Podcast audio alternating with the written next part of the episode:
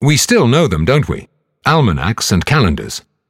In Plantin's time, almanacs were used to mark important dates, but also to impart knowledge. What is the best time to sow vegetables? How do you perform bloodletting?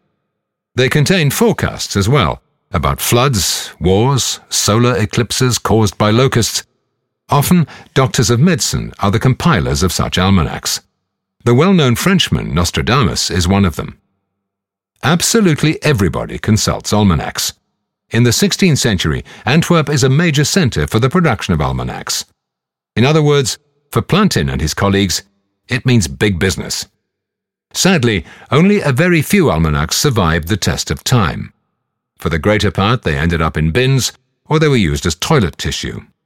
The sad story of so many mass made products. Plakaten, or official commandments, give us a very nice look at daily life in Antwerp. They are commandments and prohibitions that are issued by the city and hung in public spaces. Plantin and his successors are the official town printers. Look at this commandment, for example, from 1585, which forbids skating on the city canals with ice skates, or a prohibition from the same year. It's forbidden for teenagers to throw sticks and stones at passers by. Parents must keep their children at home.